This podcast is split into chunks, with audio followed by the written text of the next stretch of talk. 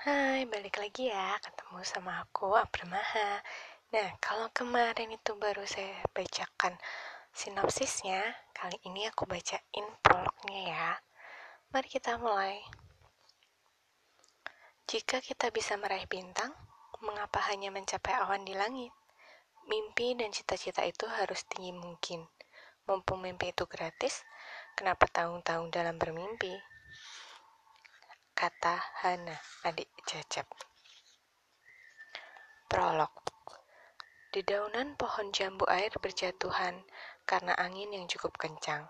Sementara itu, semilir anginnya pun berdesau menghembuskan sejuk ke dalam sebuah ruangan tanpa AC.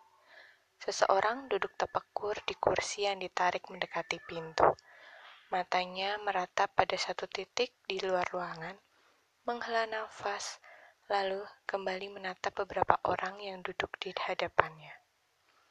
Kebijaksanaan memancar di wajahnya, walaupun kabut kekhawatiran jelas tergambar di sana. Ya, dia seorang yang terkenal memiliki wibawa di seantero sekolah. Dialah Agung pribadi, sang kepala sekolah SMU Nusantara. Tak jauh darinya, duduk seorang guru bimbingan dan konseling Dialah Bu Media yang berkali-kali menghela nafas panjang, seolah berempati pada sesuatu yang bergejolak dalam hati sang kepala sekolah. Bu Media meletakkan kipas souvenir pernikahan di tangannya sambil melirik Pak Agung. Sesaat lagi, Pak Agung akan membuka pertemuan siang hari ini, pikirnya. Akan tetapi, Kenyataannya, Pak Agung hanya memandang tajam ke arah empat remaja laki-laki yang duduk di hadapannya. Ekspresinya tenang. Sorot matanya bergerak menelusuri sosok anak-anak muda tersebut satu persatu. Dia menghela nafas panjang, begitu menatap salah seorang remaja yang paling menonjol di antara keempatnya, Adrian Shailendra. Adrian berambut agak ikal, berkulit kecoklatan, berdada bidang, dan bertubuh paling tegap di antara keempat pemuda di ruangan itu. Sayang sekali, tubuh tegap itu digunakan untuk tawuran, ujar Pak Agung dalam hati. Di liriknya catatan kenakalan siswa, alias catatan kasus yang dihimpun Bu Media. Matanya mengamati Adrian yang dengan berani balas memandangnya dari balik keriapan rambut ikal itu. Akhirnya, dalam perang tatapan itu, Adrian menunduk sambil mengangkat kedua bahunya, tanda tak peduli. Hmm, Tommy Dylan, salah seorang Adri rekan Adrian, berdeham memecah kesunyian ruangan. Dia menatap Agung dengan alis mata terangkat dan pandangan bertanya-tanya. Tunggu, Bu Media tegas memperingatkan anak siswa-siswanya sambil memelotot kepada Tommy. Kalau ada yang ingin kalian tanyakan, mohon tunda dulu sampai Pak Agung selesai memeriksa catatan kalian. Tolong ya, jaga kesopanan kalian. Tommy memberikan senyumnya yang paling manis dan membentuk huruf O dengan jari jari tangan sambil mengedipkan mata jahil ala playboynya. Pak Agung tampak menahan-nahan untuk tidak tersenyum melihat tingkah laku Tommy. Biar bagaimanapun, Tommy Dylan mengingatkan dirinya saat masih muda dahulu, yang juga menjadi idola gadis-gadis karena berkulit bersih dengan wajah ganteng, pandai bicara, dan karismatik. Akan tetapi, sayang sekali, kelebihan yang dimiliki Tommy digunakan untuk merayu gadis-gadis. Dan Kali ini, keponakan Pak Agung sendiri yang jadi sasarannya. Kifah Katara. Untunglah keponakan perempuannya itu telah belajar taekwondo sejak SMP dan tak mudah dirayu oleh playboy macam Tommy Dylan. Kali ini Pak Agung memandang Bayu Kartika yang terkenal sebagai remaja cepat tanggap dan siap sedia menolong sesama. Perawakan Bayu kurus tinggi dengan tubuh yang agak membungkuk hanya bisa menunduk menerima tatapan mata Pak Agung. Pada waktu mengurus transportasi acara pentas seni beberapa waktu yang lalu, Bayu yang saat itu dipercaya menyetir mobil, tak sengaja menabrakkan mobil sekolah.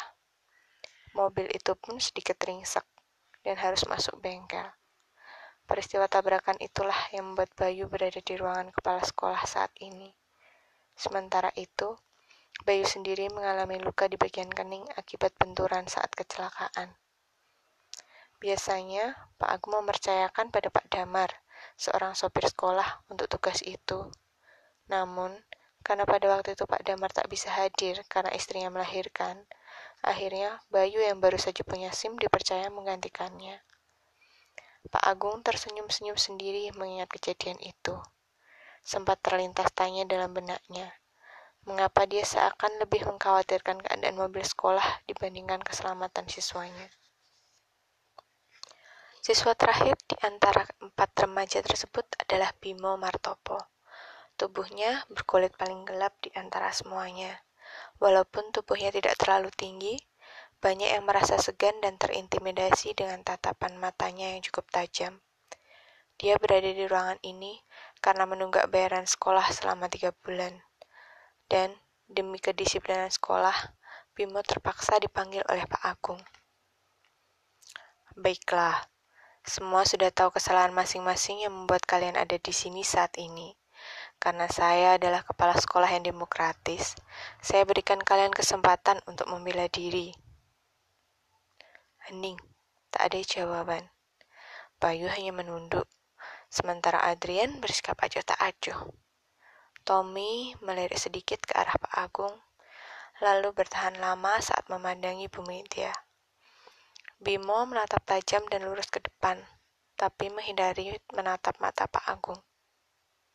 Bimo, kamu mengatakan sesuatu? Pak Agung melihat ke arah Bimo. Seperti yang sudah Bapak dan teman-teman semua ketahui, ayah saya bekerja di sekolah ini sebagai satpam.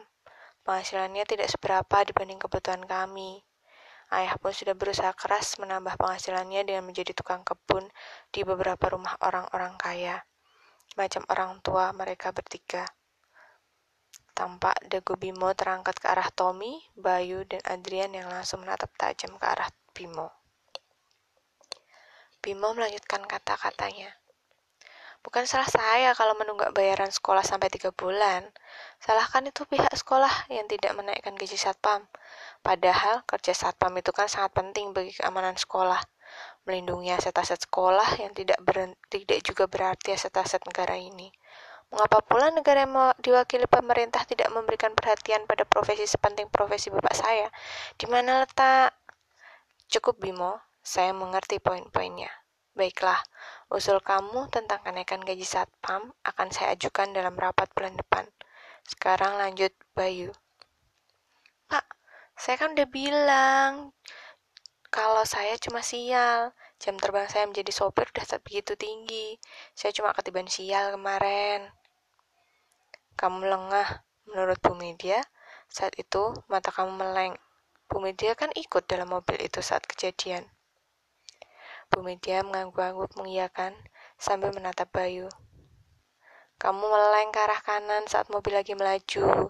Jadinya kamu gak melihat ada pohon di depanmu, kata Bu Media mantap. Oh iya betul, kan ada si merah saat itu. Si merah? Maksud lo ada cewek cakep pakai baju merah lewat dekat mobil sekolah saat itu? Sayang ya gue nggak ikut waktu itu.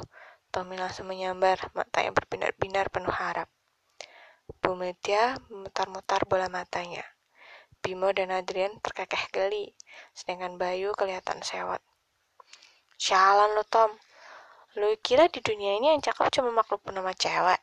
Si merah itu mobil Ferrari yang kebetulan lewat berlawanan arah dengan mobil sekolah cantik, mulus, dan elegan sekali. Sorot mata Bayu menerawang membayangkan keindahan si merah. Oke, cukup ska jelas sekarang. Konsentrasimu terpecah saat itu, Bayu. Sekarang, Tommy, sesuatu yang berlebihan jelas itu tidak boleh. Itulah gunanya pengendalian diri. Kamu jelas-jelas kepergok sedang merayu keponakan saya, kata Ara. Tommy mengelus-elus pipinya yang sedikit bengkak akibat pukulan Katara.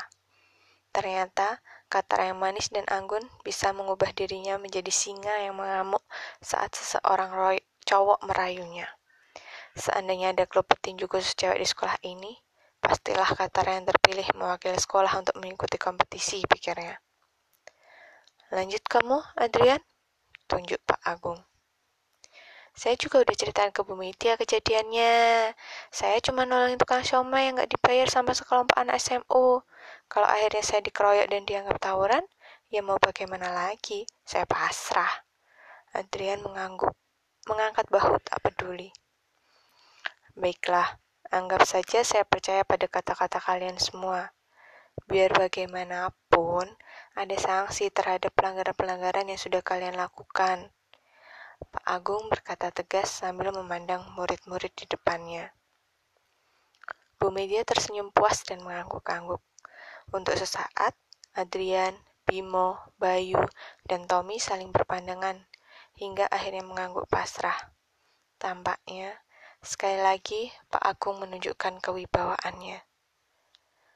Baiklah, jika kalian setuju, maka sebagai sanksi atas semua perbuatan kalian ini, Kalian akan belum sempat Pak Agung menuntaskan bicaranya, tiba-tiba terdengar huru hara di, luaran, di luar ruangan.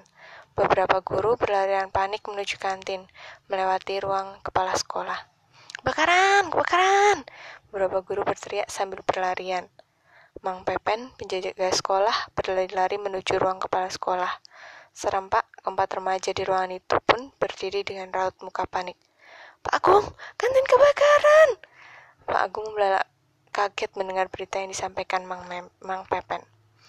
Bu Media, tolong telepon pemadam kebakaran. Instruksikan anak-anak untuk bantu memadamkan api untuk sementara.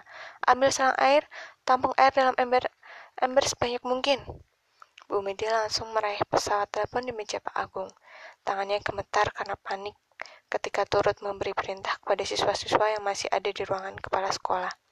Bimo, Bayu, cepat bantu Bang Pepen. Adrian, Tommy, kalian bantu Pak Agung keluar dari ruangan ini. Saya takut apinya menyebar sampai ke sini. Bu Media, sudahlah, saya baik-baik saja. Pak Agung berkata tegas sambil meraih kedua tongkatnya dan berjalan perlahan menuju perlahan keluar dari ruangannya. Penyakit Guillain-Barré syndrome membuat Pak Agung lumpuh sejak beliau masih duduk di bangku sekolah menengah pertama. Hanya kerja keras, kekuatan, dan keajaiban dalam meraih mimpi yang membuat beliau berhasil menamatkan pendidikan hingga pasca sarjana dan menjadi kepala sekolah di sekolah unggulan ini. Bu Media menelepon pemadam kebakaran sambil mengawasi Pak Agung dan anak-anak didiknya. Setidaknya, Tommy dan Adrian bisa diandalkan mengawal Pak Agung rutinnya.